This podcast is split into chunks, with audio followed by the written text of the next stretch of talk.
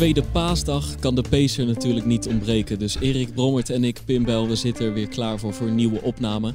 De aanleiding voor het thema is minder.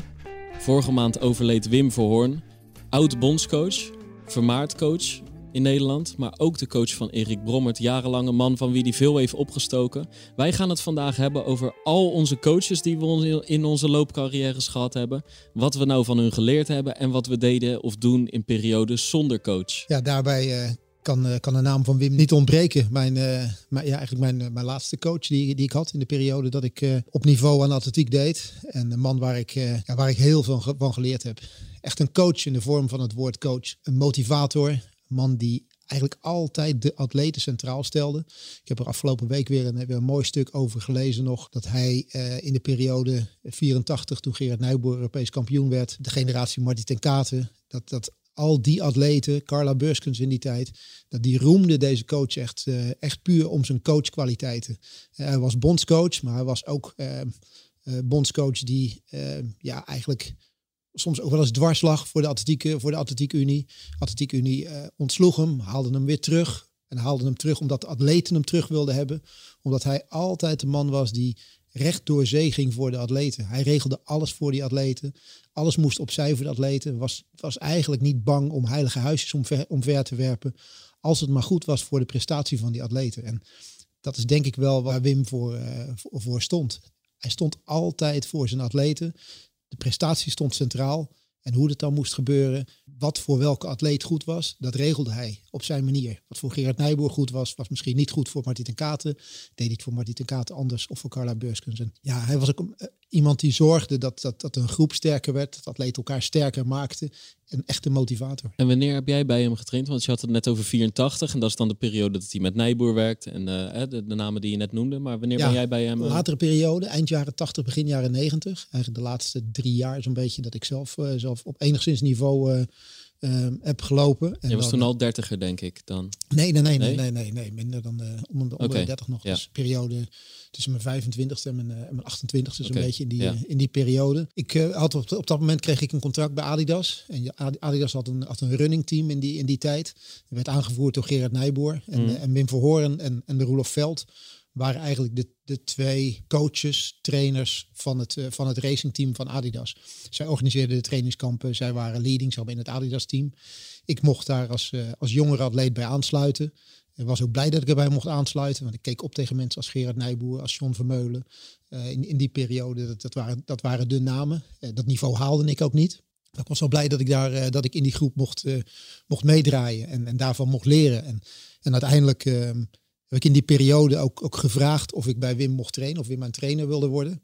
En het, uh, het mooie was ook wel dat ondanks dat hij mij goed kende, dat hij wel daar zei van nou, daar wil ik eerst nog wel eens even goed over nadenken. Je was niet zomaar aangenomen? Ik was zeker niet zomaar aangenomen. Nee. En uh, hij zegt, het heeft helemaal niets te maken met, uh, met je niveau of wat dan ook. Want hij zegt, jij weet ook wel dat je het niet gaat halen.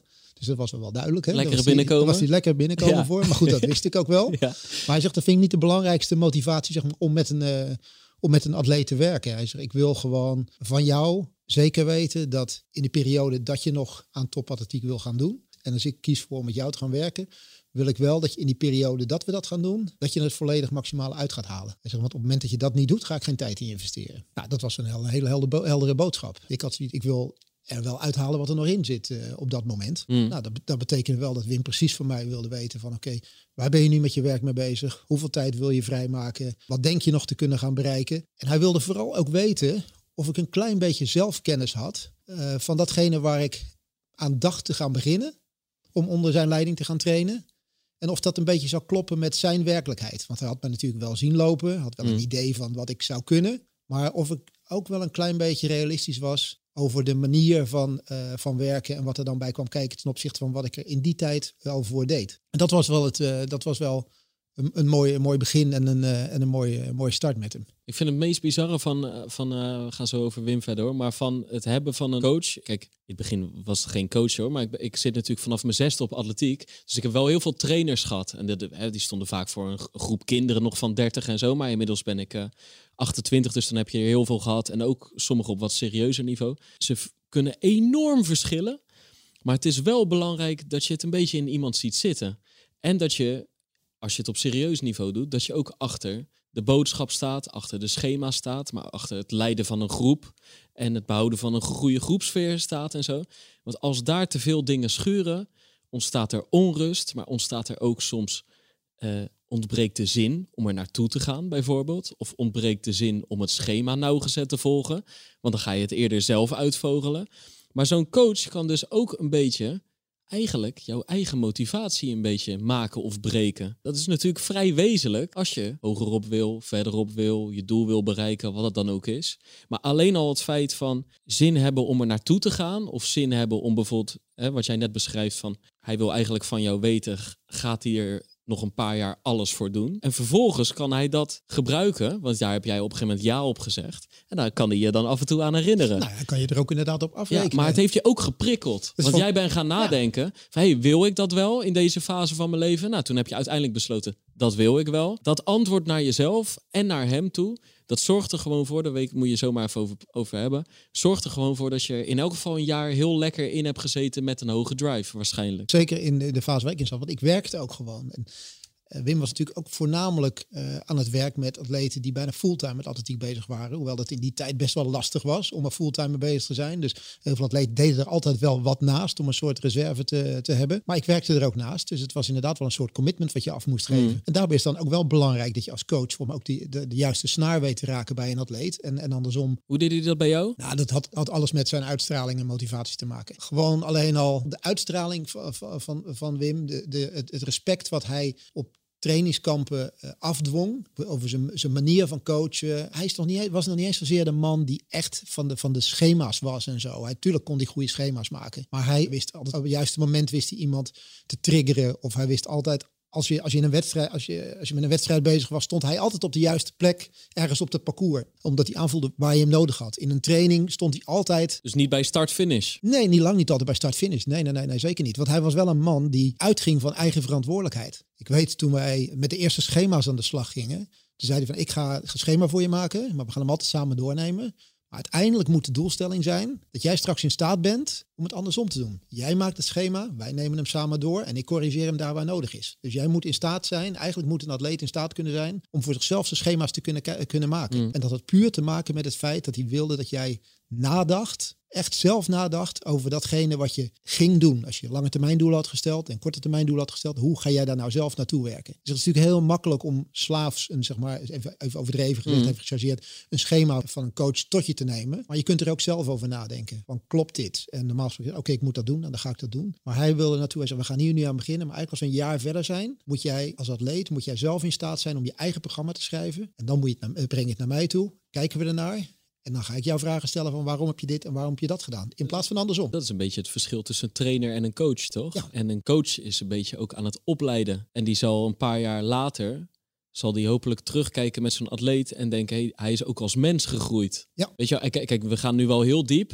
Maar als je een paar atleten op heel hoog niveau, trouwens eigenlijk op lager niveau ook, dat is wel een beetje de rol die je hebt. Ja. Dat zo'n loper een paar jaar later het eigenlijk min of meer ook een beetje zelf zou uh, moeten kunnen. Absoluut, er was er ook voorstander van dat je op een gegeven moment... Want je bent kennis aan het overdragen nou, natuurlijk. Hè? Je bent niet alleen gewoon een messenger. En, uh, nee, nee, nee. nee, nee. Hij was er voorstander van dat je zelf die kennis kon, kon overdragen, dadelijk weer naar een ander toe. Maar wat ik al zei, hij, hij stond altijd op het juiste moment. En ik, ik kon trainingen van hem, van, van hem kan ik me herinneren. Hij woonde in Hoek van Holland. Nou, dat was zijn, zijn gebied, zeg maar, om te trainen. Hij kende daar ieder paardje, hij kende ieder, ieder stukje duin en noem maar op. En mensen die met hem getraind hebben in Hoek van Holland getraind hebben, die kennen nog wel een soort beroemde training van hem. Dat hij in de duinen een soort van zeven heuveltjes had liggen. En die liggen dan niet in Nijmegen, maar in dit geval in, in Hoek van Holland waren dat zandduinen die achter elkaar lagen. En dat was echt een, een zware training waar hij begon van oké, in eerste instantie moest er één zandduin over en dan terugdribbelen. En dan twee, en dan drie, tot aan de zevende toe en terugdribbelen. En het, het mooie was dat Wim stond nooit op de heuvel. Die stond altijd anderhalve meter over de heuvel heen. En wagen het nou niet om, als je bij die, bij die heuvel, op die heuvel was, om te stoppen net voor de top van die heuvel. Ja. Zo hij zei, je kreeg op je godverdomme op het moment dat je niet over die top van die heuvel heen was. Want je, je finisht ook niet voor de streep. Je moet altijd door de streep heen finishen of door het lint heen finishen en, en nooit daarvoor. Dus hij zorgde er altijd voor dat die trainingen maximaal en optimaal werden uitgevoerd op de manier zoals het hoorde. Op een manier zoals je dat ook in een wedstrijd zeg maar kon tegenkomen.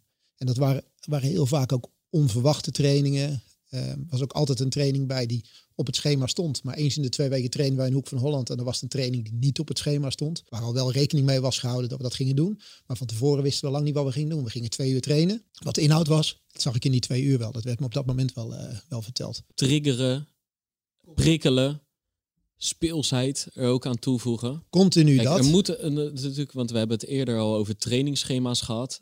Super, super belangrijk. En, en zo'n coach moet er natuurlijk ten alle tijde voor zorgen dat dat gewoon hout snijdt en lopers verder brengt. Als dat nou helemaal in beton gegoten zit, zonder enige vorm van verrassing, dan is het één vaak niet leuk. Dat past alleen de autist in de groep. Hè? Gewoon Ja. nu voor het komende jaar weten precies op welke dag wat en, en daar niet van afwijken. Dus het is één en niet leuk. Maar twee, het is voor het lichaam op lange termijn. Hè? Tuurlijk, je kan, je kan best wel twee maanden naar je wedstrijd toe. De laatste twee maanden, dat, dat mag hartstikke minutieus zijn uitgedokterd. En daar, daar hoeft dan helemaal niet te veel van worden afgeweken. Tenzij het lichaam daarom vraagt. Maar dat lijf wil ook geprikkeld worden. Als dat bij wijze van spreken al een half jaar lang weet dat hij op maandag dat rustige loopje van 50 minuten krijgt. Op dinsdag die intervalletjes. En dat zijn altijd duizend, me duizend metertjes met altijd 400 meter dribbelrust. Dan gaat het bij de vijfde, zesde training ook denken. Ja, dit ken ik wel. Nou, Dan is het veel beter om gewoon een keer een duurloop door de duinen te doen. Of onverhard over het ruitenpad. Of een keer die rust te verkorten. Of een keer te zeggen, hey, vandaag doen we er tien. Of inderdaad echt een keer een totale verrassing met fartleks en interval en dingen die je niet aan ziet komen. Moet je ook niet te vaak doen. Maar af en toe kan dat super grappig zijn. Eens in de twee weken deden we dat. En dat was altijd heel fijn. Maar ik, ik, ik vergeet bijvoorbeeld nooit mijn allereerste training bij hem. Die we samen deden op, eh, op de atletiekbaan in, eh, in, de, in de buurt. In, in, in, was in, eh, was in Naaldwijk.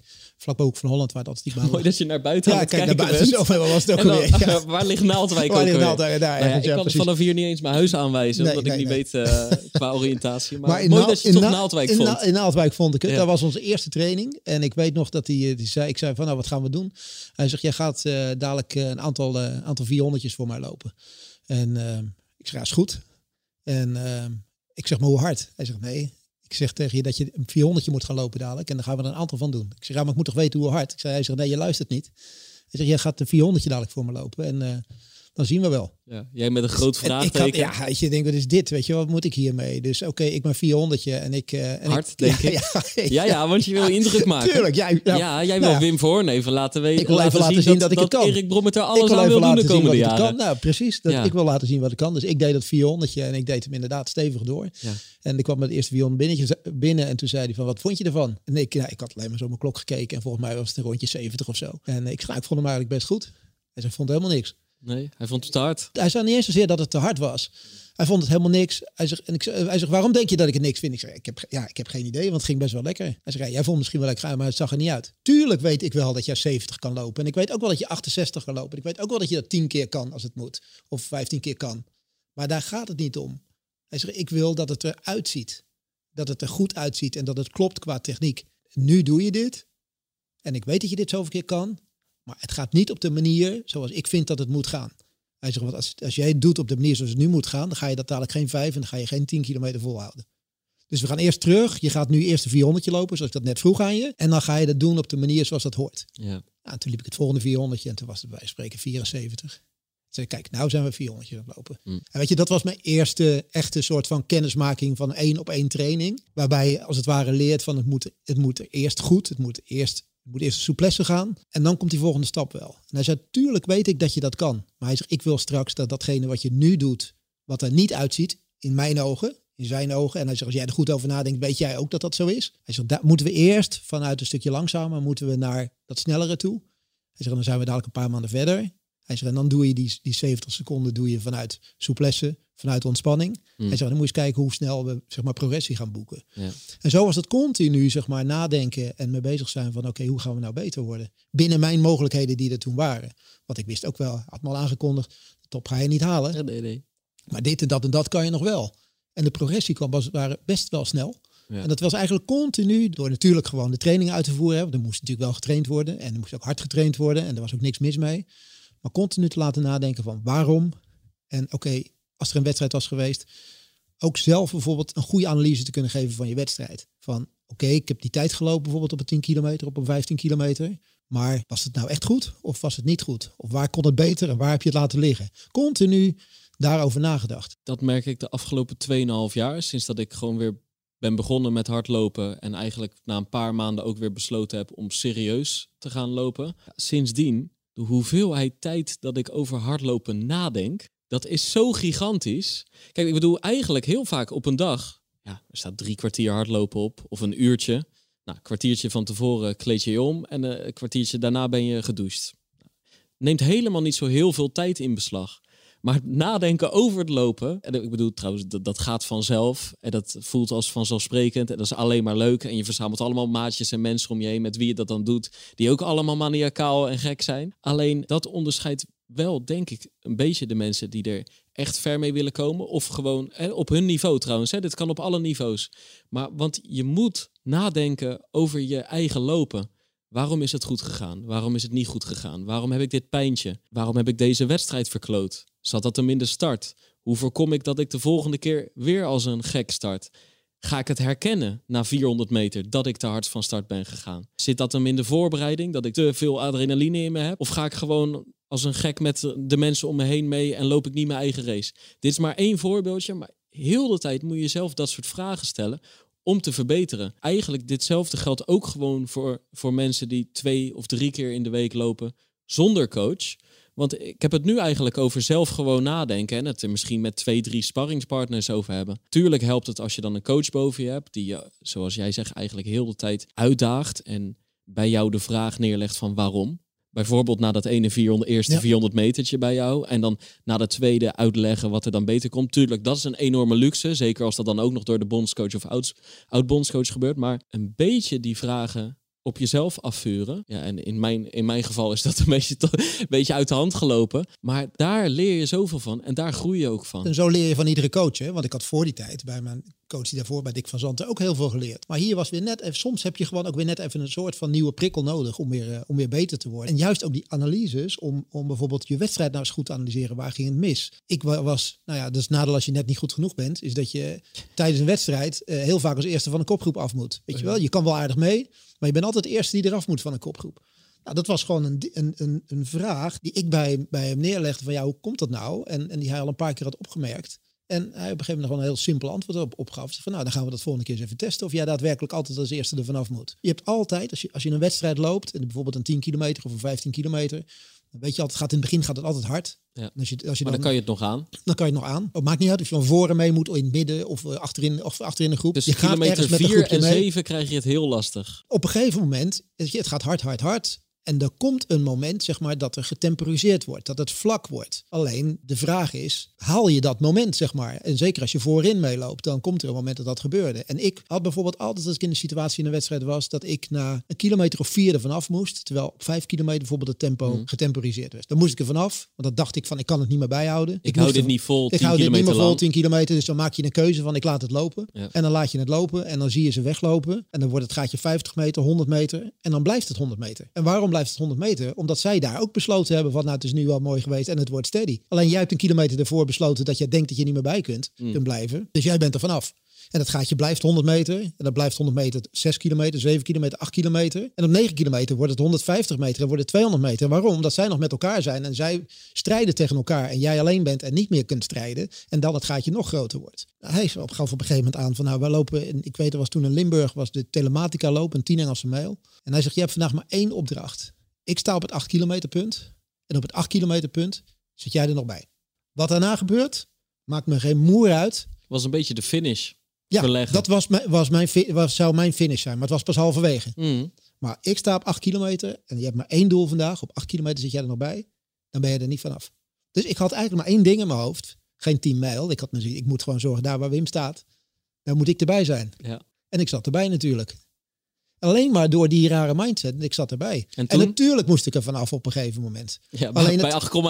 Nou, nee, nog niet eens, nee, nog niet eens zozeer daar. Nee, want ik vertel, was het dode vertel. punt overheen. Ja. Alleen het gat was, het gat met, met, met de eerste was misschien wel de helft kleiner als dat het normaal gesproken was. Aan de finish. Aan de finish. Ja, ja, ja. ja omdat ik er veel langer bij bleef en ik er niet meer als eerste afviel. Maar ik viel Dit er met kan een groepje trouwens van. natuurlijk ook fout aflopen. Het maar dan is het fout. alsnog een keer een Maar leuk het- uitprobeersel. het- en er zit natuurlijk echt wel wat in. Je ziet het ook bijvoorbeeld eh, altijd bij Egmond, januari.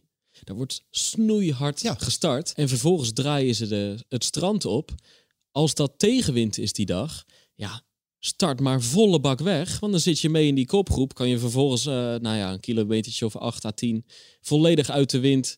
Redelijk slakke gang gaan ze daar vaak. Hè? Ja. Relatief gezien. Doe je je voor, doe dan je je zit je, erbij, zit je erbij. Het enige wat je ervoor hoeft te doen is 2, 2,5 kilometer echt volle bak te starten. Maar laat je het, laat je het lopen. Ra- loop je En het ook niet meer alleen, dicht, dan loop je nooit meer dicht. En is het, gat, is het gat zo groot. Dus, Ja. Maar dat waren echt, echt voorbeelden van er. In, in dit geval ging het, om, ging het eigenlijk om een mentaal deel. Hè? Om, eh, je gaf mij daar aan aan, ziet, dit is dus gewoon een mentaal deel. Want je kan het dus wel. Hmm. Alleen jij, jij besluit zelf van weet, ik, ga, ik ga eraf, want ik denk dat er dat gebeurt. Je gaat toch weer op zeker. Dus dat zekere van mij moest eraf. En zo heeft iedereen natuurlijk zijn eigen ding. Ja, dat, was, dat waren wel, wel de bijzondere dingen die je dan leert om weer een volgende stap te kunnen gaan maken. En denk, zo heeft iedere, iedere coach heeft zijn eigen ja, zijn eigen voordelen. Jij zal met, met coaches die jij hebt meegemaakt in het verleden ook zat dingen meegemaakt hebben van, van, van hem heb ik dit geleerd. Ja, ik heb van een ander weer wat geleerd. En zo leer je denk ik van iedere coach leer Ja, leer zeker, wat. zeker.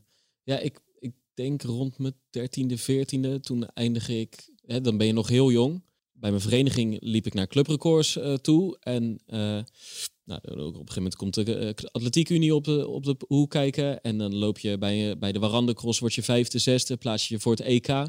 En vervolgens liep ik nooit echt meer voorin hoor. Maar dan ben je toch wel op een vrij behoorlijk niveau meerdere keren aan het lopen. En je doet af en toe om de prijs mee. Dus dan wordt het toch, ondanks je jonge leeftijd, al wat serieuzer. Toen kreeg ik Jim Spruit. Die gaf wel eens inderdaad de opdracht. 200 metertje. Hè, dat de- deed hij bewust alle horloges af, bijvoorbeeld.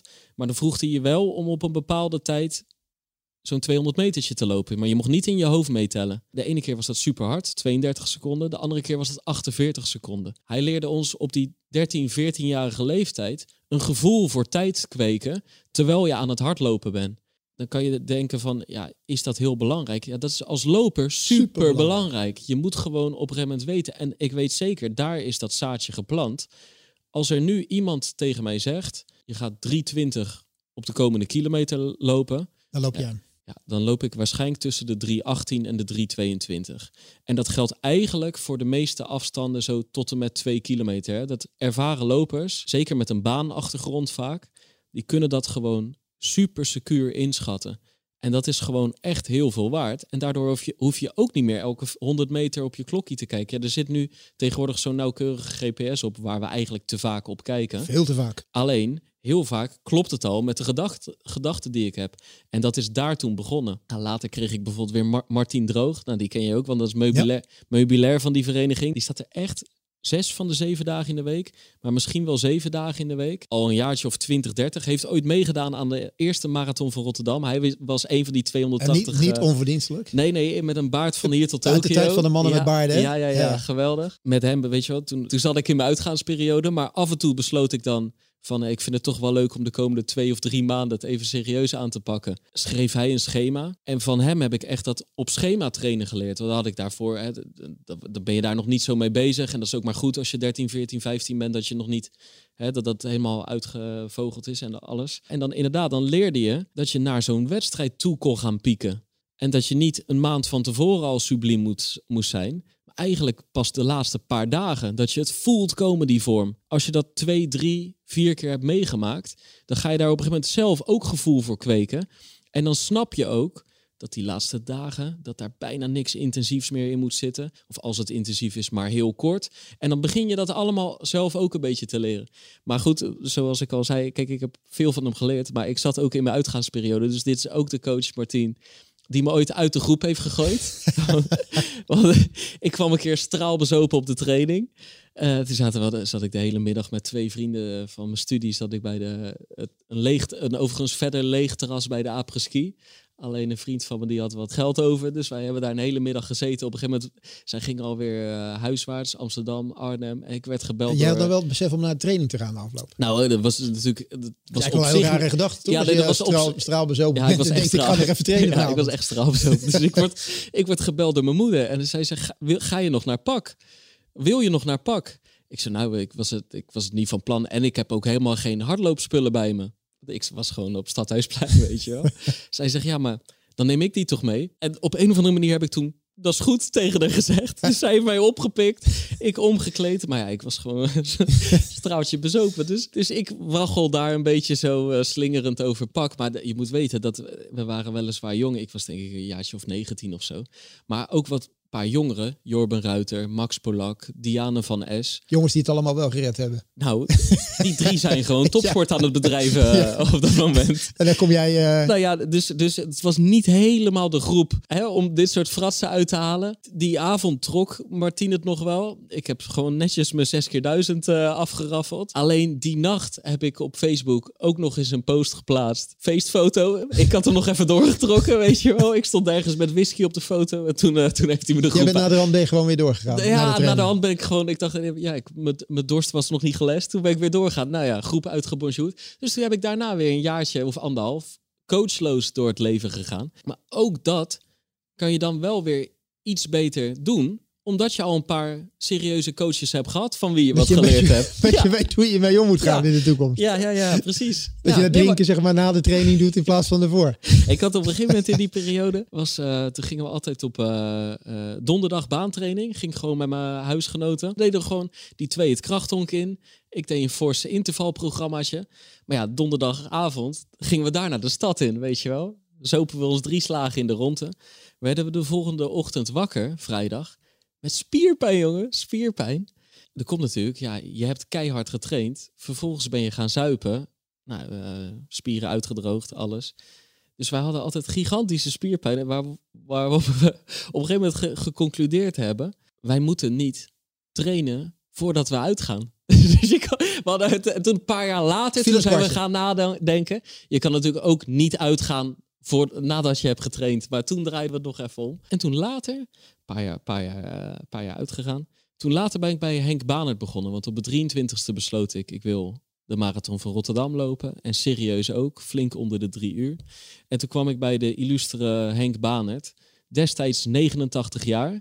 Die had er volgens mij al 40, 50 coachjaren op zitten. Man van de brandweer, weet je wel, brandweerman. En intussen? Uh, vier of 95. Ik ben vorige maand nog bij hem geweest om het pak jubileumboek dat ik heb geschreven bij hem komt af te... Voor, ja, daar komt hij in voor. Ik, hij mocht niet ontbreken. Iedereen die ooit bij hem heeft getraind, en dat zijn er heel veel, want hij gaf training in Rotterdam, maar ook bij de oude Maasvlakte. En hij had heel de week door overal loopgroepen, leek het wel. Iedereen vond dat zo'n bijzondere man. En dat, om dan even terug te grijpen naar wat ik volgens mij eerder uh, heb gezegd, 25 minuten geleden of zo. Zo'n man kan ook bepalen of je met zin naar de training komt.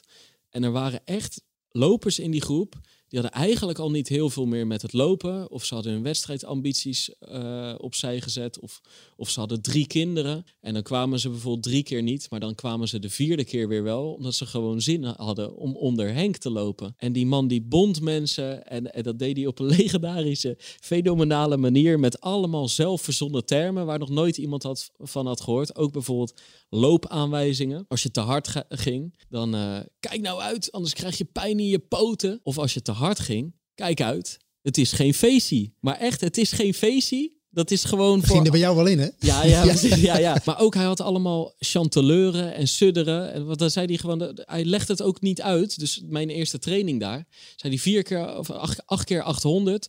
Tussendoor 200 meters sudderen. Keek ik iedereen een beetje aan van... Uh, ja, zei ik Henk, uh, sudderen.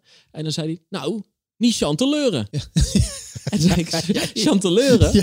Hij zei, nou, weet je wel, sudderen is gewoon je, rustig aan. Ja, rustig aan, rustig aan. En chanteleuren, dat was dan weer net wat hard. En nou ja, na een paar weken dan begreep je dat. En die, die termen zal ik nooit meer vergeten. Zal nooit meer iemand vergeten. Kijken wie de blankste billen hebt en laat je vallen. En ploegval licht en dunker. En het einde van de training. Hij deed heel vaak minutenloopjes. Alleen, eh, op het moment dat je dat aan het lopen was, wist je niet nee. of het één of zes zou worden. Alleen op een gegeven moment zei hij gewoon... Ja! Weet ja. je wel? En dan mocht je weer dribbelen, totdat hij weer datzelfde zei. En dan Hè, weer dezelfde vraag. Het was geweldig. Wim haalde hey, Wim op, een gegeven moment, op een gegeven moment, dan was het dan het einde van de training. Dat was Hubo!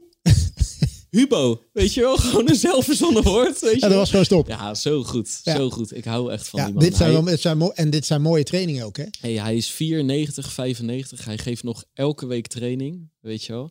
Wordt hij, uh, op een gegeven moment hebben we hem een rollator uh, cadeau gedaan. Op een gegeven moment kon hij niet meer autorijden vanwege zijn heup gingen ze hem halen, weet je wel, een oud bijenland, Rotterdam, terug met een soort poeltje, zodat alsmaar die, omdat gewoon te veel mensen gehecht zijn aan trainen onder die man. En nu schijnt hij nog steeds ergens aan de dijk te staan, weet je wel, met zijn fluitje ja, in maar zijn hij mond. ook, hij ook gehecht aan het trainen. hè? Ja, zeker. Enorme liefhebber. Ja, Ja. Zo heeft iedere trainer, coach, kan belangrijk zijn eh, voor, Ja. voor zijn atleten. En dat, is, dat is ook het mooie, vind ik. Als je dus coach mag zijn van een groep, zo heeft iedereen op zijn eigen manier zijn meerwaarde. En, en dat kan zijn doordat je bij een, bij een tempotraining inderdaad eh, staat te kijken, goed staat, goed staat op te letten, probeert aan te geven of iemand wel eh, hard genoeg loopt, of zich wel of niet aan, het, eh, aan zijn tempo's houdt. Maar als hij, als maar langs de kant staat en oplet en bezig is met die groep. Hè? Want deze man die, zoals je aangaf, deed dat op een zeg maar misschien wel grappige, lachwekkende manier. Maar onderhuids wist hij donders goed waar hij mee bezig was. Ja, ja, En, ja. eh, En, en hij zorgde en- er gewoon voor dat ik uiteindelijk, Uiteindelijk liep je eh, goeie- klaar was liep- om 2,49 Ik te zeggen, lopen. uiteindelijk liep je een goede tijd op de marathon. En ik denk ook een goede coach of een goede trainer die langs de kant staat. Die weet ook precies wat zijn atleet kan. Ik heb voordat ik bij Wim Verhoren trainde, heb ik altijd bij Dick van Zanten mogen trainen. Een trainer die zelf ook meeliep in de groep. Eigenlijk weer een andere, andere vorm van coach. Die niet langs de kant stond, maar eigenlijk altijd in de groep meeliep. Dus eigenlijk heel dicht, eh, dicht bij jou stond. Want hij liep niet alleen mee in de groep. Hij was ook eigenlijk zelf de snelste nog in de groep. Het was een veteraan. Ja, mooi. Maar wist precies wat jij wel of wat je, wat je niet kon. Ja, die kon bij mij gewoon van tevoren voorspellen wat ik, eh, wat ik qua tijd ging lopen in een wedstrijd. Dus wij naar dezelfde wedstrijd gingen. Dus ik, had, ik had op een bepaalde manier getraind. En zei jij kan vandaag dit lopen. En dat gebeurde dan ook heel vaak. We zijn ooit samen naar New York geweest. En heeft mij ooit gezegd, jij gaat vandaag, als je echt goed bent, loop je 2 uur 40 vandaag. En ik liep 2,41. Ja, mooi. Ja, en dat geeft wel dat aan. iemand die kracht in Ja, kan dat schatten. geeft wel aan dat hij dat gewoon echt helemaal, helemaal inschatte. En precies wist hoe of wat. Doordat hij gewoon voelde wat iemand wel en wat iemand niet kon. En wanneer je wel of niet goed in vorm was. En ook gewoon dan tijdens de training gewoon eventjes tegen jou kon zeggen. Doe even rustig aan. Dat Ja. voelde of hoorde aan je ademhaling van het is net even iets te veel of net even iets te weinig. Dat is het mooie van het kunnen coachen van een groep. Van hou die jongens in de gaten die daar lopen. Geef ze de goede opdracht mee. En hoe vaker jij die gasten allemaal ziet lopen als coach natuurlijk. Hoe beter je ze gaat leren kennen. En hoe beter je kunt inschatten wat iemand wel of niet kan. Of waar die moet En dat je verbeteren maatwerk kan leveren. Ja, Ja, ja, ja, dus dat je niet alleen, eh, dat niet alleen langs, langs die kant staat, staat te kijken met die klok in je handen, maar ook echt dat die coach ook goed nadenkt van wat, wat, wat gebeurt hier en eh, wat zijn ze aan het doen. Hey, zullen we zo nog even doorpraten en meer in het nu, hè, onze coachsituatie eh nu. Alleen, je moet ook af en toe, dat vind ik, hè, laten we even de, de, de, de stap maken naar topsport. Hè, want wij doen het nog steeds op onze eigen houtje-touwtje Ja. niveau.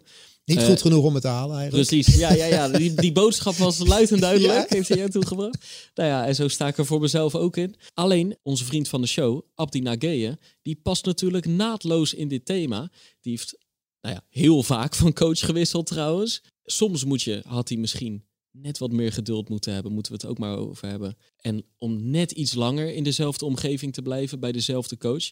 Maar nu zat hij een paar jaar bij Patrick Sang op een soort gedroomde locatie. Eh, met Elliot Kipchoge, maar met Dean's coach, eh, Patrick Sang. En eh, op een gegeven moment is hij gaan twijfelen. Die, die twijfels heeft hij bij ons en de dilemma's eigenlijk heel mooi uitgelegd. Hè? Dat hij, dat hij aan, eh, vorig jaar, najaar eigenlijk al was gaan twijfelen. Zit ik nog op de juiste plek? Hij heeft uiteindelijk die overstap naar Ethiopië gemaakt. Weg van zijn gezinnetje ook wel, dus dat was moeilijk. Naar Gary Lowe, eh, man van eh, Paula Radcliffe, de voormalig wereldrecordhoudster op de marathon. Dus Abdi kan ons echt wel eh, goed uitleggen, denk ik. Ook weer eh, het belang van een coach en wat je van iedereen leert. En de prikkel van een nieuwe coach. Hallo, meneer. Hey, Hey. hey, hey. hey, wij maken een aflevering over coaches. Ja, en jij bent natuurlijk eh, veranderd van coach onlangs. Ja. En daarna hebben we elkaar geloof ik wel gesproken, maar eigenlijk nog niet eens zozeer over hoe anders die aanpak is en, en hoe jouw gevoel daar eigenlijk bij, eh, bij is tot nu toe. Ehm, ja, ehm, waar moet ik beginnen? Eh, er is natuurlijk een groot verschil. Ik zeg Patrick Sang en Gary Love. Patrick is Keniaans coach. Eh, Gary is een eh, Britse coach. Dus eh, in dat al heb je al een groot verschil. Eh, Patrick kijkt wel anders dan andere eh, Afrikaanse coaches, vind ik, Patrick. Maar die pakt heel anders aan. Eh, die, laat, eh, die laat je eigenlijk ehm, het gevoel geven van eh, je bent zelf altijd verantwoordelijk. Je moet je eigen planning doen. Gewoon heel veel dingen moet je zelf doen. Dus hij, hij helpt de jongens, en dat hebben ze hier nodig natuurlijk. Dat zelf groeien. Eh, als mens ook. Dan legt hij dus eigenlijk heel veel eh, ver- verantwoording eh, bij je. En, en is gewoon echt zo'n, eh, ehm, ja, wat hij gewend was met, bij de Nederlandse coaches. Elke training dat hij bij de redenatie staat. elke keer je vraagt hoe de training ging. Bij Patrick kan je ehm, verwachten dat je misschien vijf trainingen of acht trainingen achter elkaar dat je niet vraagt hoe het ging. Ik weet nog dat ik een keertje ehm, een hele goede baantraining had gedraaid in Elderet. En toen kwam ik naar hem toe en ik, en ik wilde eigenlijk complimenten of uh, met hem over hebben dat het goed ging. Toen zei hij, Abdi, niet. Uitlopen. Klaar. Dus, ja, dat is... Uh, Verder niks. Ja, dan leert je jou eigenlijk bij je binnen op de grond. En um, waarom zou je... Ja, het ging goed, hebben we allemaal gezien. Moeten we daarover hebben? Ja, hij denkt, ja, niet, niet, niet nodig. En, en dat, dat, dat gaf me ook weer een andere. Uh, ik, ik, ik, heb het op een positieve manier opgevat. Zo van, ja, ja, het was één training. Gaat om de wedstrijd. En daar zat je wel helemaal uh, echt een, een, een dikke lekker sturen, weet je wel. een goede app als je goed loopt. Maar um, de rest is gewoon ja, heel anders. En, en, en Gary was, ik was nu vijf weken bij hem in Addis En ja, bij de gym staat echt naast je de baantraining, de, de vaartlek, dan gaat hij, dan hij met ons meerennen met zijn uh, woordje en uh, zijn fluitje. Gewoon heel anders. Die, die, die ziet jou gewoon, als je twee uur traint, ziet jou gewoon die, die, die, die twee uur ziet jou totaal, zeg maar, wat je allemaal gedaan hebt. Terwijl dat Patrick was het niet zo. En de groep is ook heel groot. En nu waren met de drieën, Moba, Farah, Bashir, Abdi en ik. Ja, precies. Ja, ja. Dus, dus een redelijk kleine, overzichtelijke groep. Hij, hij kijkt mee, heel voortdurend, over je schouder. Geeft dat je op dit moment een goed gevoel? Zeker, maar toen ik daar kwam, uh, een of andere manier verwacht je ook dat hij jou... Uh, dan je denkt, ja, uh, is er wel een klik? Elke keer als hij je tegen iets zegt, dan, zeg je, dan, heb je het gevoel, oh ja, er is een klik. Hè? Hij heeft aandacht voor mij. dus dat, dat vond ik oké dan. Ik vond het fijn. Ik weet niet hoe het straks uh, gaat worden. Maar op dat moment, omdat je nieuw bent, uh, ik stel je voor, hè, Bashir doet wat oefeningen. En dan geef je allemaal tips. Mo doet allemaal oefeningen, geeft allemaal tips. En ik doe de oefening. En dan zegt hij niks. en de volgende, en, de volgende training, dan praat hij alleen maar met Bashir en Mo. Dan zal je er heel, heel ongemakkelijk gevoel van krijgen. En nu gaf hij mij gelijk ja, tips en alles. En wat hij van vond. En bijpraten. En dus dat vond ik dan fijn. Omdat hij dan het gevoel krijgt, ik ben welkom en hij wil mij en ik mij serieus als een atleet. En heb je dat gevoel nog steeds? Dat hij dat, is, dat, is, dat een, is dat blijvend of was dat alleen in het begin? En is het nu weer ook een stuk eigen verantwoording pakken? Ik, ik denk dat bij Gary is het echt, die wil echt bij zijn. Dus nu, nu ook met het corona, het gezin kan Monaco, vond hij gewoon lastig. Maar hij wilde echt bij zijn. Hij wilde gelijk al als hij komt. ik weet nog wat ik zei, um, ja, eh, nee, ik heb me gezien hier, op het business hier in Kenia. Dus eh, de voorbereiding kan ik in uh, Kenia doen. En gelijk was hij, nee, dan uh, kunnen we niet samenwerken. Maar ik dacht, ja, de eerste maand, na een rustperiode, stel je je hebt de marathon gelopen, je hebt drie weken gerust. De eerste maand, er hoeft toch uh, geen coach mee te zien. dan ga je allemaal een beetje lekker joggen, wat oefeningen doen. Maar wil gelijk dan die dag jou zien. ook als je 20 minuten loopt. en dat vond ik dan heel, heel raar eigenlijk.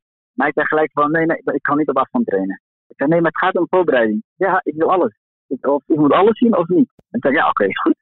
maar ik vond het dan, uh, ik dacht dat het niet nodig was. Dus hij is wel zo iemand die, uh, ja, gewoon van begin tot het einde uh, met, je wil, met je mee wil maken. Heb je daar de, de voordelen al van meegepakt nu? Want ja, je zegt, ik dacht dat dat anders zou zijn. Ja. nu is het op deze manier. Wat vind je het voordeel daarvan? Ik denk vooral als individu, zeg maar. Dus dat, dat hij mij, mijn looptechniek, alles een beetje ziet. In Kenia in general, ook in Ethiopië, hoor eigenlijk nooit de coach die tegen een atleet zegt: ja, je moet je looptechniek veranderen. Of uh, je moet een beetje zo doen, of je armhouding dit. Nee, of je nou zijwaarts loopt of achteruit. Zolang je de training doet, prima. en, en hier uh, ja, heeft je gewoon heel veel aandacht. Hè? Je bek, dit en dat en dat. En dat, zie je niet in Kenia uh, heel snel gebeuren. En um, dus um, schuld altijd wel blijven, denk ik. Hey, en Abdi, jij, uh, jij, jij stond of staat er onbekend dat je nogal eens van coach en van groep wisselt. Ja. Dus je bent uh, de man om aan te vragen, ja, wat heb je nou van al die coaches geleerd? Want van iedereen leer je natuurlijk weer wat anders. Hè? Ja. als het goed is, ben jij inderdaad, zoals je al noemde, als mens en als loper ontzettend gegroeid. Juist ook omdat je zoveel benaderingen hebt meegekregen. Ja, Nee, dat, dat zeg je goed. Ik ging heel snel niet allemaal denken uh, wie en wat. Als ik ooit coach word, heb ik echt heel veel voordeel aan. Omdat ik dan allemaal dingen kan combineren van al die topcoaches. Ik heb drie maanden met Valentijn getraind, uh, vier jaar met Patrick. Johan Voogd, die dan een van de beste juniorencoaches in Nederland is. Uh, ah, wat erg. Mike Poppen, de coach van Mike Poppen. hè? elke coach heeft iets anders. Die ziet op een andere manier aan. Ja, wat heb ik geleerd? Ja, wel veel. Maar ja, uh, kijk, als ik nu met, Gary train, dan train ik bij Gary. En dan, dan verwacht hij niet dat ik tegen hem vertel, voor mezelf zeg maar, oh Patrick deed zo en zo, kun je ook zo doen. Dus ik accepteer hoe, hoe Gary is en, dan volg zijn, zijn uh, manier van coachen. Als atleet kan je niet uh, voor andere dingen van een coach kopiëren en dan uh, jouw huidige coach mee erop plakken. Kan niet, denk ik. Joshua Mols was je nou op zoek waarschijnlijk. Nee, ik... dacht was, wat ik aan hem dacht was, um, Joshua dus, ik weet al dat hij eerst een voetballectuur had. Daarom, daarom dacht ik aan, hè, zijn die van coach weer. Die is dan echt heel met je betrokken. Dus die, die ging mij, uh, die ging mij meenemen. En dan had hij zo'n zo'n stok met zo'n ronde punten op het laatst. Ja, ging dan allemaal dingen vertellen, waar, misschien waar, waar het allemaal aan lag. Weet je wel. Dan was hij dan een paar dagen bezig met mijn voet. En ehm, terwijl je denkt, ja goed, die zou zeggen, ja, ga naar video en het is oké. Maar hij wilde ook, hij had um, dat elektro dingen was het. Dus onder je voet, zijn allemaal punten, drukpunten. En dat had hij ook een beetje dat had hij ook gestudeerd, denk ik. En dan, dan gaat hij zoveel uh, energie en tijd om jou van die blessure af te komen. Terwijl andere coaches uh, zal zeggen, ja, we gaan naar de video en of de dokter en hoe gaat het. Maar hij, was dan anders. En um, ik weet nog dat, dat um, Johan um, heel vaak, als ik zei, ik voel iets en de coach, de, de, de was niet in de beurt of, de, of de beurt of de, de visio, dan gaf hij jou gelijk gewoon een massage. Vond hij niet erg. En zo, zo, elke, elke coach um, zijn manier. En daarom dacht ik, ik, ik weet nog dat ik die voetballectuur had en de Joshua zoveel aandacht had. Dus vond ik, ja, super lief. Maar ja, dat ik zijn naam vergeet is nog erger.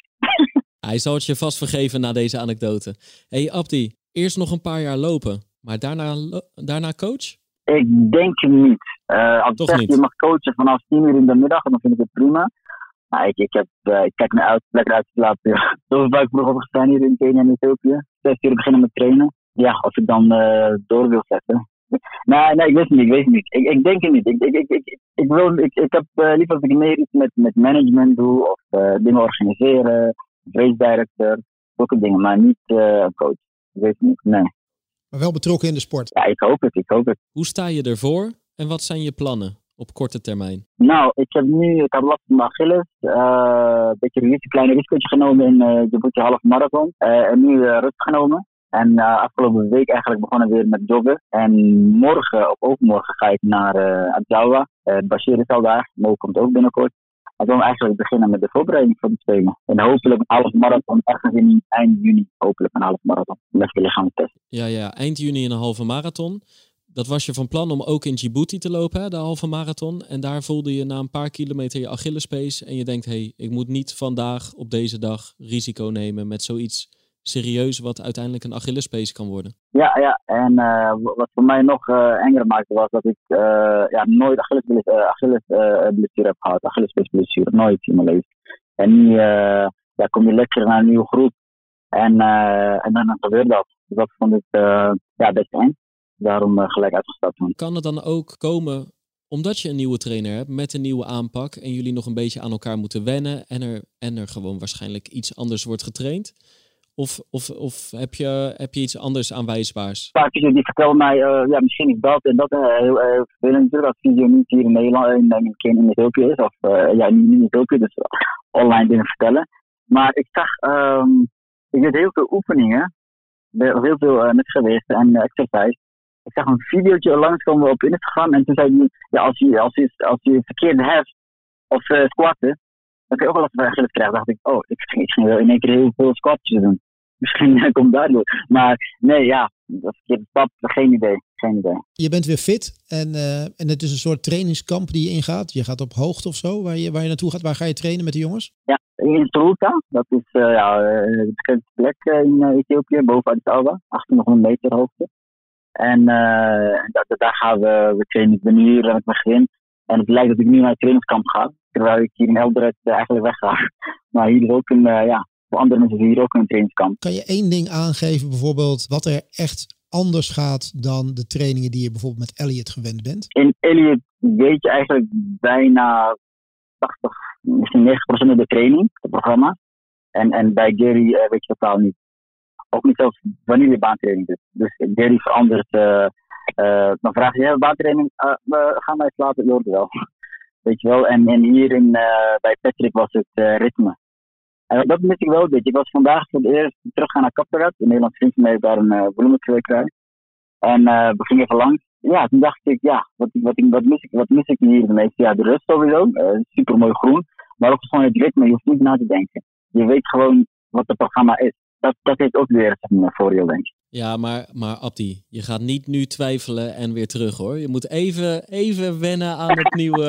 even nee, nee, nee, wat ik, nee, wat ik, uh, nee, nee, wat, wat het is. Nee, dat klopt, klopt. Nee, wat het was, ik was met twee, uh, twee zoons, gingen we daarheen. En dacht, ja, nu ga ik, het is nu dat ik hier veel meer tijd met mijn drie kinderen spendeer. En nu ga ik weer dan weg. En dat, dat voelde al, hè. Uh, ja, je gaat overmorgen weg. Dat, dat voelde al, dat knaagde al. En uh, dacht ik, um, ja, hier kwam je eruit. In vijf dagen in de week was ik twee dagen. En nu ben je 32, ga je nog een keer zoveel reizen. Ga je weer naar de, uh, weg van de kinderen en naar de. Um, dus dat, dat, hè, zo gedacht had. dat heb ik altijd hoor. Dat heb ik altijd. Ja, ja. we kennen je een beetje. dus, uh, blijf, ja. ja. Nee, maar dat, dat is, dat is, ik denk dat dus die, uh, ik weet nog dat ik bij, uh, bij, bij Salazar bijvoorbeeld, was ook, ja, wist je ook niet wat het programma was echt altijd ingewikkeld. En uh, op de baan kun vier, vijf verschillende afstanden lopen. Verder is het maximaal twee afstanden dat het verschil is. Of is het alleen maar 15.000 of 18.000 of. Hè? Mm. En heel waarschijnlijk het soms uh, uh, mijl en dan 400 op de laatste. Maar niet dat je 1000 en dan 2000 en dan 400 en dan dat en dan dat. Bij heel veel andere coaches is het wel zo. Dus bij Peter was het gewoon, ja, je, gewoon, ja je wist gewoon wat, wat, wat je had. Dat zullen zien bij Gary of het voor mij beter is. Ja, ja, ja, wij zijn ook benieuwd. In elk geval echt mooi om te horen dat je al die blikken in verschillende keukens hebt gehad. Dat je, dat je bijna overal eigenlijk altijd wel wat van leert. Dat je wat meeneemt. En dat je in verschillende fases van je carrière dus ook weer behoefte aan iets anders kan hebben. Ondanks de twijfels dat het bij die anderen eigenlijk ook wel fijn en prettig was in sommige fases. Ja. Sowieso goed om je weer, uh, goed om je weer aan de lijn te hebben, Abdi. En we zijn, uh, we zijn benieuwd uh, naar je progressie de komende maanden. We gaan je volgen.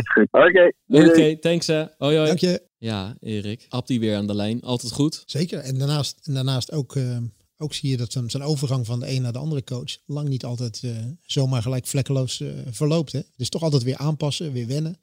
Een andere trainingsaanpak. Hoe goed je ook getraind bent als atleet. Een andere aanpak vraagt toch weer aanpassingsvermogen van het lichaam op de een of andere ja, manier. Ja, en het gaat, het, dan gaat het echt niet over beter of slechter. Maar het is gewoon anders. Dat heb ik trouwens ook gemerkt. Het is gewoon anders. Waardoor je ook weer gewoon in gebieden komt die, waar je nog even onbekend bent. Waar je misschien wat eerder een, een foutje maakt. Of, of waar je na verloop van tijd achterkomt dat je toch weer dingetjes moet aanpassen. En dat moet dan allemaal weer over gesproken worden. En bij, nu kan het je weet nooit wat de reden is. Maar hij zegt zelf, ja, misschien zijn het wel die squats geweest waar we wat meer van zijn gaan doen. Ja, het is natuurlijk helemaal niet zo gek om als loper squats te doen.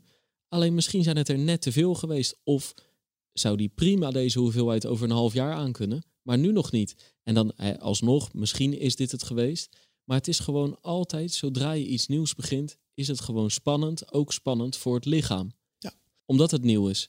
En wie weet zet hij straks weer twee. Hè? Soms zet je er één achteruit om vervolgens weer twee vooruit te zetten. Maar, maar het maakt het ook gewoon spannend überhaupt om zo'n keuze al te maken. Daarom heeft hij er dit keer, in elk geval dit keer, ook echt goed over nagedacht voordat hij die beslissing nam. Je, je ziet het, het heeft voordelen, want het, brengt weer nieuwe motivatie met zich mee. Maar er hangt ook altijd weer een nadeeltje aan dat het nooit vlekkeloos of naadloze overgang is. Want, want, iedere trainer heeft dus toch weer een net even andere aanpak. Uiteindelijk wel met dezelfde doelstellingen. Want uiteindelijk um, is die groep van, in die groep van Elliot staan er dadelijk ook een aantal mensen aan de start in Tokio. Mm. Of in Sapporo.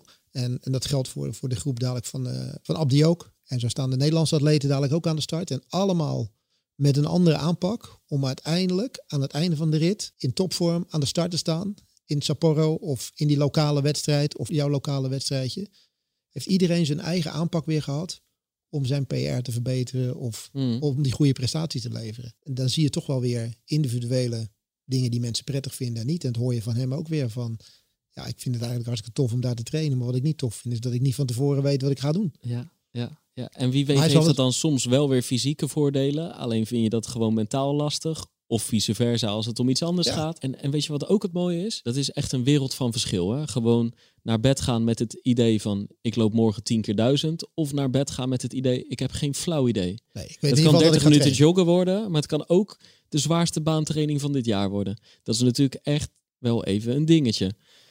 Maar het mooie is, allebei de aanpakken kunnen hartstikke goed werken. Ja, want het kan een enorme mentale trigger zijn. In een wedstrijd weet je ook niet wat er gaat gebeuren. Je weet ook niet wanneer jouw Nee, nee, maar ook die andere aanpak kan weer goed zijn. Als dat een atleet gewoon heel veel rust geeft, waardoor ze- die zich gewoon helemaal voor kan bereiden op die training. Het kan dus allebei. Daarom is het ook zo dat niet iedere atleet bij dezelfde trainer goed gedijt. Weet je, Ja. je ziet heel vaak dat een coach kan eh, met, met verschillende atleten werken. Die kan er van de, van de vijf, kan hij de drie kan die naar een hoog niveau brengen. Twee lukt dat niet. Dat wil niet zeggen dat die atleten niet minder zijn.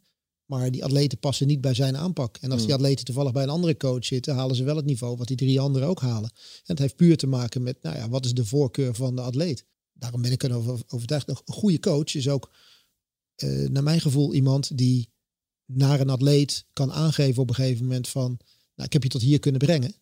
Maar die volgende stap kan ik niet met jou maken. Daar moeten we of iemand anders voor gaan zoeken. Of eh, misschien is de klik er wel niet. Jouw aanpak werkt niet bij mij, dus we moeten naar een ander toe. Dat is ook nog wel eens een fout die gemaakt wordt bij veel coaches. Eh, Want het blijft natuurlijk altijd wel van belang. Een, coach is belangrijk, maar de atleet is natuurlijk uiteindelijk degene die centraal moet staan. En, en de coach moet wel dusdanig inzicht hebben dat hij kan aanvoelen of hij het maximale uit jou kan halen of niet. En als hij niet meer het maximale uit jou kan halen en die volgende stap niet met jou kan zetten, dan moet hij eigenlijk zijn eigen trots een beetje opzij kunnen zetten. En te zeggen van oké, ga naar, naar hem toe of ga naar hem toe.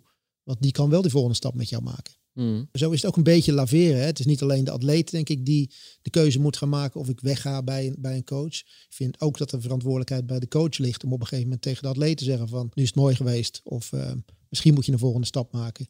Of, of misschien is het wel einde carrière een keer eh, voor je. Van, moet, je nog wel, moet je nog wel langer doorgaan of niet? Of je hebt dezelfde coach, je hebt dezelfde atleet. Daar verandert niks aan. Maar we gaan een hele andere aanpak proberen. Omdat we al een paar jaar min of meer hetzelfde aan het doen zijn. Zo, hè, door mijn werk heb ik de laatste jaren eh, vaak met Jack Ori gesproken. Ja, die gooit soms gewoon zijn hele visie, nou niet zijn visie, maar zijn hele aanpak, methode van de afgelopen 1, 2, 3 jaar of iets, gooit hij gewoon echt in de prullenbak. En dan begint hij opnieuw. Dat kan dan gewoon een methode zijn geweest waarmee meerdere gouden Olympische medailles zijn eh, behaald op de winterspelen. Ja, maar zo Alleen dan denkt hij, ja, sommige jongens heb ik al een paar jaar. De wetenschap is een paar jaar verder. Hun lichamen zijn een paar jaar verder. Ik ben als coach een paar jaar verder. We gaan het nu helemaal anders doen. Ja, en er wordt nu ook op een hele andere manier getraind dan natuurlijk tien of twintig jaar geleden. En daarnaast worden er ook heel veel sporten worden gemixt met elkaar. Ik heb zelf, eh, zelf, zelf het genoeg gehad. Ik, ik heb een tijdje in golf mogen werken en ik heb daarvoor een mastercoachopleiding mogen doen bij het NOC-NSF.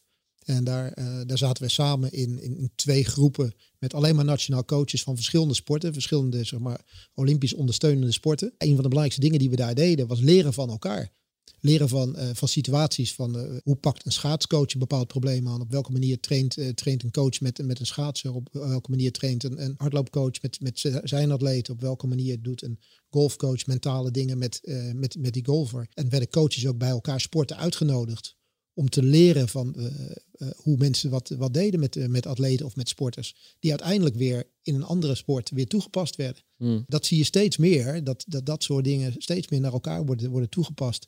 En ja, dat coaches dus nieuwe manieren leren ontwikkelen om uiteindelijk eh, eh, atleten beter te laten presteren. Hey, nou hebben we al bijna 1 uur en 5 minuten gepraat over coaches en het belang daarvan. Maar jij hebt helemaal geen coach, Erik. Nee, Daar hadden we ook even mee kunnen beginnen. Dan hadden mensen gelijk op eh, een, andere, een andere aflevering kunnen uitkiezen. ja, maar die zijn er ook bij. Maar, jij, jij, jij Maar wel het- gehad, ja. ja, ja, heel veel gehad Ja, natuurlijk. hè? en, en daardoor kweek je een bepaald gevoel over wat je lichaam op bepaalde dagen nodig hebt. Als je het hebt een beetje over schema's en prikkels. Maar eh, al die kennis heb je gewoon meegenomen. Tuurlijk, je onthoudt wel allerlei dingen. Ik was zelf iemand die altijd alles sowieso opschreef. Dus ik kan allerlei dingen nog terugkijken. Maar Heb je die nog? Die, Ja, ja, eh, ja, ja, ik heb echt nog boekjes uit. Oh, trouwens, die hebben we- die foto hebben we toen nog Precies, gebruikt, ja. Ja, ja, we hebben er een foto van gemaakt. Ja, ja. het zou nogal raar zijn als je alleen maar blind dingen uitvoert en daar niks van onthoudt. Dus je weet, op een gegeven moment ken je zoveel verschillende trainingsvormen, ken je wel. En probeer je gewoon dingen op jezelf uit. Ja, ik denk dat dit wel, wel het moment is om, om, dat, eh, om dat te kunnen doen. Los daarvan vind ik het überhaupt wel, wel prettig om bijvoorbeeld één keer in de, in de week of eens in de twee weken met een groep mee te trainen. En, ehm, en te doen wat er op het programma staat. Maar, maar daarnaast denk ik, en dat is dan ook gewoon de fase waar je nu in zit, denk ik dat ik zelf ook heel goed weet wat ik, eh, wat ik moet doen om een bepaald niveau zeg maar, te bereiken. Alleen sommige trainingen is het wel prettig als je dat in een groepje kunt doen. Omdat het net eventjes wat, wat makkelijker is met een man of vijf om een tempo training te doen en snelheid op een bepaald niveau te houden, dat je dat alleen doet. Ja, makkelijker en gewoon ook echt leuker. Ook dat was natuurlijk, dat was, ik, ik heb echt niet heel lang getwijfeld of ik die stap wilde zetten om door Guido Hartensveld en Michel Butter te worden getraind. Maar het eerste, hè, dat heb ik al vaker aangegeven, het eerste wat ik dacht van ja, als ik maar wel af en toe ook met die groep in Rotterdam kan blijven lopen. Want er was voor mij natuurlijk eigenlijk helemaal geen aanleiding om weg bij Adilson, de A-selectie en al die, al die maatjes daarbij weg te gaan. Want het ging goed, ik had er zin in, ik bleef me verbeteren, weet je wel. Er was eigenlijk geen aanleiding om weg te gaan. Alleen ja, dan, dan, dan wordt je iets voorgesteld, dan komt er, komen er vragen naar boven. En dan begint het gelijk, weet je wel, begint het vlammetje gelijk te branden. Dat is gewoon ontzettend tof om dat te gaan proberen. Alleen, dat, dat zei Guido toen ook, ook op mijn schema's, ja, dat blijft trainen op afstand. En je hebt er gewoon een groep nodig. Ja. Om alle redenen die ik net geschetst heb. Dus je, gaat het niet zonder dat, ga je ook niet dat doel bereiken. Want daar is gewoon acht maanden veel te lang voor. Maar het is inderdaad ook, dan zet je die stap. Ik denk niet dat het toeval was dat ik na drie weken, vier weken, een pijntje had. Dat is toch, hè, ik denk net ook wat Abdi een beetje schetst. Je gaat gewoon echt iets anders doen. Het ene is niet per se heel veel beter dan het andere. Het gaat niet om beter of slechter. Het gaat wel gewoon om totaal anders. Waar je dan ook weer iets eerder een foutje uh, maakt. Nou, je, je, lichaam wordt op een andere manier belast. Ja. Ook al is het belastbaar, maar wel op een andere manier. En daar moet, het zich, daar moet het zich gewoon weer aan aanpassen. En op het moment dat je daaraan aangepast bent, oké, kan dat ritme weer opgenomen, weer, weer, weer teruggekomen zijn. Maar daarom is een andere aanpak soms niet zo heel erg. Als een aanpak succesvol is, prima, kan je daarop doorgaan.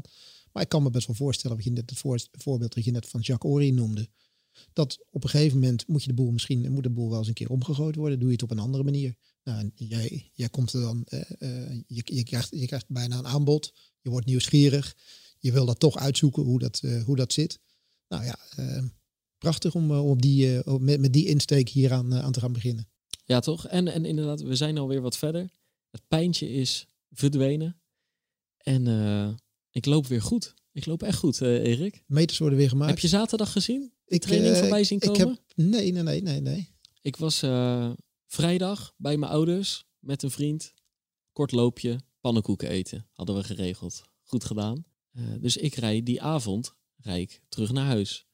Om er vervolgens achter te komen dat mijn hartslagband nog bij mijn ouders ligt en mijn horloge. En je kon niet meer terug, want het tien uur geweest natuurlijk. Ja, de, ja. ja, dat kan je echt niet meer terug. Dat kan je niet nee, maken tegenwoordig. Niet meer, nee. Maar je weet, ik ben een man van de regels, hè? Nooit rebels. Nee, nee, nee. Dus daar hou ik me dan aan. Nee, maar, dus, maar kijk. Regels zijn er wel om opgerekt te worden. Ja, ja, ja, zo is het. Maar wat dat betreft ben ik zo flexibel als Barba Papa. Maar uh, ik dacht, ja, je kan natuurlijk tegenwoordig niet meer lopen zonder hartslagband en horloge. Want hè, het kan natuurlijk überhaupt al niet. Want als het niet op Strava staat, dan telt het niet. Maar dan zien die twee gasten in Castricum zien ook niet wat ik heb uitgevoerd. terwijl het nogal belangrijk is bij coachen op afstand dat zij mijn trainingen zien. Dus er zat maar één ding op. Op zaterdag terug met de auto naar mijn ouders. Hartslagband om, horloge om. En terug naar huis hardlopen met een lichte omweg, 15 kilometer. En in die 15 kilometer heb ik dus... Wat was de training? Zes, Wat keer, je doen? zes keer duizend gedaan met uh, uitgebreide warming-up. Toen drie kilometer progressief, maar dan was de laatste kilometer al 3,38. Dus dat is gewoon tempo. Zes keer duizend, versnellen van 3,15 naar 3,5. Met steeds als rust 3,50 echt een bikkeltraining. Rust 350. Ja, dus Luister niet echt... jullie dat de mensen het even goed horen. Ja, ja, ja maar rust dat is tussen aanhalingstekens. Dat is natuurlijk niet echt rust. Dat is, maar dat is jouw dus relatief herstel. Ja, ja, nou ja, ja dus je herstelt niet helemaal. Hè? Dat is ja. een beetje het idee. Je herstelt wel, maar niet helemaal. Dus ik kwam gemiddeld uit op 3,33. 53 minuutjes op de 15 En 3,33 is het magische nummer natuurlijk. Zo is het. Dat, ik kan geen toeval zijn geweest, maar op een of andere manier gebeurde het. Maar toen dacht ik wel, hé, hey, ik ben terug. Want dit was de eerste intervaltraining weer. Nadat je toch een periode, je hebt een pijntje gehad, je bent voorzichtig geweest. Op een gegeven moment voel je dat pijntje niet meer, maar dan eigenlijk doe je alsnog 7, 8 dagen rustig, voorzichtig, behoedzaam. En dan knal je zo'n training eruit en dat is top. Dat is echt gewoon top. En toen vandaag, ik had ook weer goede benen. Ik heb wel eh Vivaldi de vier seizoenen voorbij eh, zien komen. Hagel, sneeuw, wind en zowaar ook nog zon. Er klopte helemaal geen reet van. Toen ben ik net nog, eh, maar hij ging wel weer goed. Hij ging echt weer goed. Toen ben Je ik net nog Dat hier. uurtje dat je nog even ging doen. Hè? Dat uurtje wat je vandaag ging doen. Ja, ja, vanochtend. Ja. ja, ja. En toen, en toen vanochtend, toen was het, heb ik smiddags nog even in de zon gezeten op mijn balkon. Ik denk mooi, hopen dat het straks ook zo is als ik, naar, Vanmiddag. Je, als ik naar het AD fiets. Maar dat was minder, hè? ja, dat was net iets minder. Ik heb een uur lang hier binnen nog mijn muts opgehouden. Verschrikkelijk, joh. Ja. Die krijgen we blijkbaar nog even zo op tweede paasdag en de paas en Krijgen we dagen even een, sneeuw, even een sneeuwbuitje erbij. Ja, maar daar worden de bikkels gekweekt, Zeker, Erik. Heb jij al gelopen vandaag? Ik, ik heb vandaag hebben we personal training in de parkeergarage gehad. Ja. Op de P7 van de, van de Q-Park hebben, we- hebben we training gehad. Want het, het werd slecht weer. Dus ik kreeg vanmorgen van ons Errol kregen we een berichtje. Er wordt niet buiten getraind. We trainen in de parkeergarage op de zevende verdieping. Geen auto te bekennen, Geen top. auto te bekennen. Dus ik heb daar heb ik een, eh, heb ik een half uurtje de PT-training gedaan. En vervolgens ben ik vanaf de zevende verdieping zigzaggend naar beneden gelopen in die parkeergarage. Van beneden weer naar boven. Gewoon even een kwartiertje nog even losgelopen. Droog, hoog en droog zeg maar. Uit de wind. Dus ik had, eh, ik had mijn trainingje had ik, had ik achter de rug. Ja, goed toch? Dus eh, niet zo intensief als jij. Nee, maar Maar ik vind het heel belangrijk om af te sluiten met het feit dat jij weer op de terugweg bent. Ja, dat jij weer terug bent. Ja. Zeker. Ja. Zeker. Ja. Ja, ja, het moet gezegd worden. Het gaat, Nou, eh, loopt weer gesmeerd. Ik ga hem nog even nakijken op Strava. Volgens mij kunnen we hem terugzien hè, die zaterdag. Ja, ja, ja. Hey, hey. En eh, dat zie je na afloop natuurlijk pas. En het was gewoon een intervaltraining. Dus het is niet als je van tevoren segmentjes uitzoekt of zo. Kroontje gepakt? Kroontje gepakt. Eh, Maar drie keer raden waar. Want jij hebt hem dus nog niet gezien. Drie keer raden. Ja, waar. kijk, de- hè, dat zag ik. En dan, maak, dan verwerk ik het gewoon in de titel. Hè? Zo ben ik ook wel weer. Maar jij hebt hem nog niet gezien. Waar zou, hij zit tussen Berkel en Roderijs en, en Rotterdam. Bergshoek en Rotterdam. En Rotterdam. Maar het- je moet warm denken. di- dicht bij je huis. Ik moet dicht bij huis denken. Dan, nou zou die eh Heemraad Singel of zo? Of ehm, Witte de Wit. Witte de Witte. Ja. Voor de mensen die het niet weten. De straat waar die alleen maar vol zit met kroegen. Die al meer dan een jaar eigenlijk gesloten is. Wat nu eigenlijk gewoon een, een weg is waar je, waar je inderdaad een kroontje kan pakken. Want normaal gesproken kan je hem helemaal niet pakken daar. Want moet je tussen de mensen door zich zaggen. Ik had daar nog nooit in mijn leven hard gelopen. Want waarom zou je? De Witte de Witstraat, hardlopend. eh, Is niet te doen. Nee, maar de voormalig nachtburgemeester, die is nu ook gewoon eh, overdag de koning daar. maar er is wel enigszins bewust hier geweest volgens mij. Nee, nee, het Jij was bent je niet van bewust geweest dat je aan het begin van de Witte de Witstraat volle bak ging tot aan het eind. Kijk, de Witte de Witstraat is korter dan een kilometer. En ik moest daar mijn laatste kilometer doen. Het was Dus al een moest- segmentje. Ja, ja. Dat wel. Ja, ja. En wat, is, wat werd het voor tijd? Eh, Staat, staat het, heb je er een beetje bij gekeken? nee, moet je even het kijken. is een kilometer, ja, een kilometer ongeveer, denk ik. Hè? Moet ik kijken? Ja, kijk even voor de zekerheid. Ongelooflijk. Hij loopt... eh, De ongekroonde koning van de, van de Witte de Wit. nee, nu de gekroonde. De, de, gek- de gekro- De gekroonde we, gaan, koning we, van de mensen, we, gaan, we gaan er zo mee stoppen. Maar we willen, ik wil die tijd nog heel even weten. Ja, Voordat we eruit gaan. hij loopt... Eh, al die luisteraars het even mee kunnen pakken. Niet te lang wachten. kroontje. Ik had dus ook een kroontje bij de golfballen. Mensen, als het iets te lang Oh, duurt, hier, hier, pak nog een klein lusje erbij met die Hij heet Witte de Witje. Afstand 0,45 kilometer. Oh, 500 meter. 1, 1,30? 1 minuut, nee, 1 minuut 19, 2,54. Maar, nee, maar hier belangrijk om bij aan te tekenen. Klein beetje downhill. Flink downhill. Maar dat is echt dik onder de drie minuten dan. Ja, 2,54. Dus je bent volle bak bij ik, ik moet ook zeggen, ik heb de nummer 2, de voormalig gekroonde koning van de Witte de Wit, Joost Gerards. Ik heb hem flink eh, van, het, eh, van de troon gestoten. Dus jij hoeft voorlopig niet... Jij ik maak me geen niet- zorgen. ik hoop ook dat hij niet luistert trouwens, want dan wordt hij toch weer getreerd. Nee, En weet je wat het is? Kijk, heel Ja. veel mensen luisteren die podcast met een duurloopje. En iedereen dacht van, eh, ik ben met een uurtje wel klaar. ja, nee. Maar ja, ik denk dat de meeste mensen, we zitten nu op één uur. ja, ik 1 denk uur 15. zo'n Ja. Toch een kwartiertje hebben we eraan geplakt Maar voor ze. elke keer, kijk, wij zijn het van plan om het kort te houden. Dat niet, hè? Alleen elke keer als we dus een lange maken, dan denk ik, ja, hij is te lang. Maar Maar eigenlijk dan krijg je weer, dan krijg je commentaar, maar eigenlijk hè, positief. Zo van, past er perfect in mijn duurloopje. Hij hoeft niet korter. Dat stond vandaag nog... eh, Ja, ja, ja, ja. Maar eigenlijk Ja. is, die, is die, weet je, die podcast is ook zo'n onverwachte training. ja, je, maar weet niet, je weet niet wat je krijgt van tevoren. nee, Je weet niet hoe lang dat die gaat duren. wij weten niet Gewoon, wat we gaan op- gewoon gaan lopen, die knop aanzetten Ja, gaan het trainen. en je werkt, merkt wel wanneer je klaar bent. Wel zorgen dat je in de buurt van huis bent ongeveer. Dat je niet te ver nog terug moet. Maar het kon- kan een uur duren, deze, deze podcast. Het kan een uur en een kwartier duren. Het kan 50 minuutjes duren. Dus ja, dus toch ook een soort onverwachte mentale training om naar ons te luisteren. Zo is het. Zo is het. En, oh, mentale training. Ja, dan, hoop ik weer dat de mensen er veel van hebben opgestoken. Wij als coaches. Pratend over coaches. Van uh, Martin Droog, Henk Banert naar Wim Verhoorn. En, uh, en de coaches van Abdi Nageye. Zeker, zeker. Wij kijken uit naar de marathon van Siena. En nou ja, niet naar de marathon van Hamburg waarschijnlijk, maar hopelijk wel het alternatief. hè? Laten zou, we het hopen. Zou het kunnen zijn? Monza? Wenen? Het kan echt van alles zijn. Ik begreep zelfs, hè, ik heb geen actuele update, maar het kon zelfs ook nog in Hamburg zijn. Het lijkt me sterk, want die stad zit in lockdown. Het ging er met name om dat die rondjes van 10 kilometer in het centrum, dat, dat ze daar dachten, stel daar komt wel volk op af, ja, dan kan je ze niet weghouden op zo'n lang traject. Dus het moest in elk geval overzichtelijker korter waarschijnlijk het rondje. Maar grote kans dat ze toch ergens anders voor gaan kiezen. Nou ja, wat ik zei. In elk geval, laat hem hopelijk maar doorgaan. ja, dat, dat, dat al is die Nederlanders voor die atleten. een eerlijke, mooie kans krijgen om zich te kwalificeren. We gaan het, uh, we gaan het volgen en, uh, en laten, laten we hopen dat we, als we die atleten gaan spreken na afloop of van tevoren, dat, uh, dat ze die voor hem hebben weten vast te houden en dat het, dat het een mooie strijd gaat worden. Ja, zeker weten. Wil jij nog iets kwijt, Erik? Anders ga ik hem uh, nee, ik heb het afsluiten gehad. op de traditionele ik zou manier. Zeggen, druk die stopwatch in, we finishen nu. Juist, oké. Okay. Uh, blijf lopen, blijf luisteren en tot de volgende Pacer.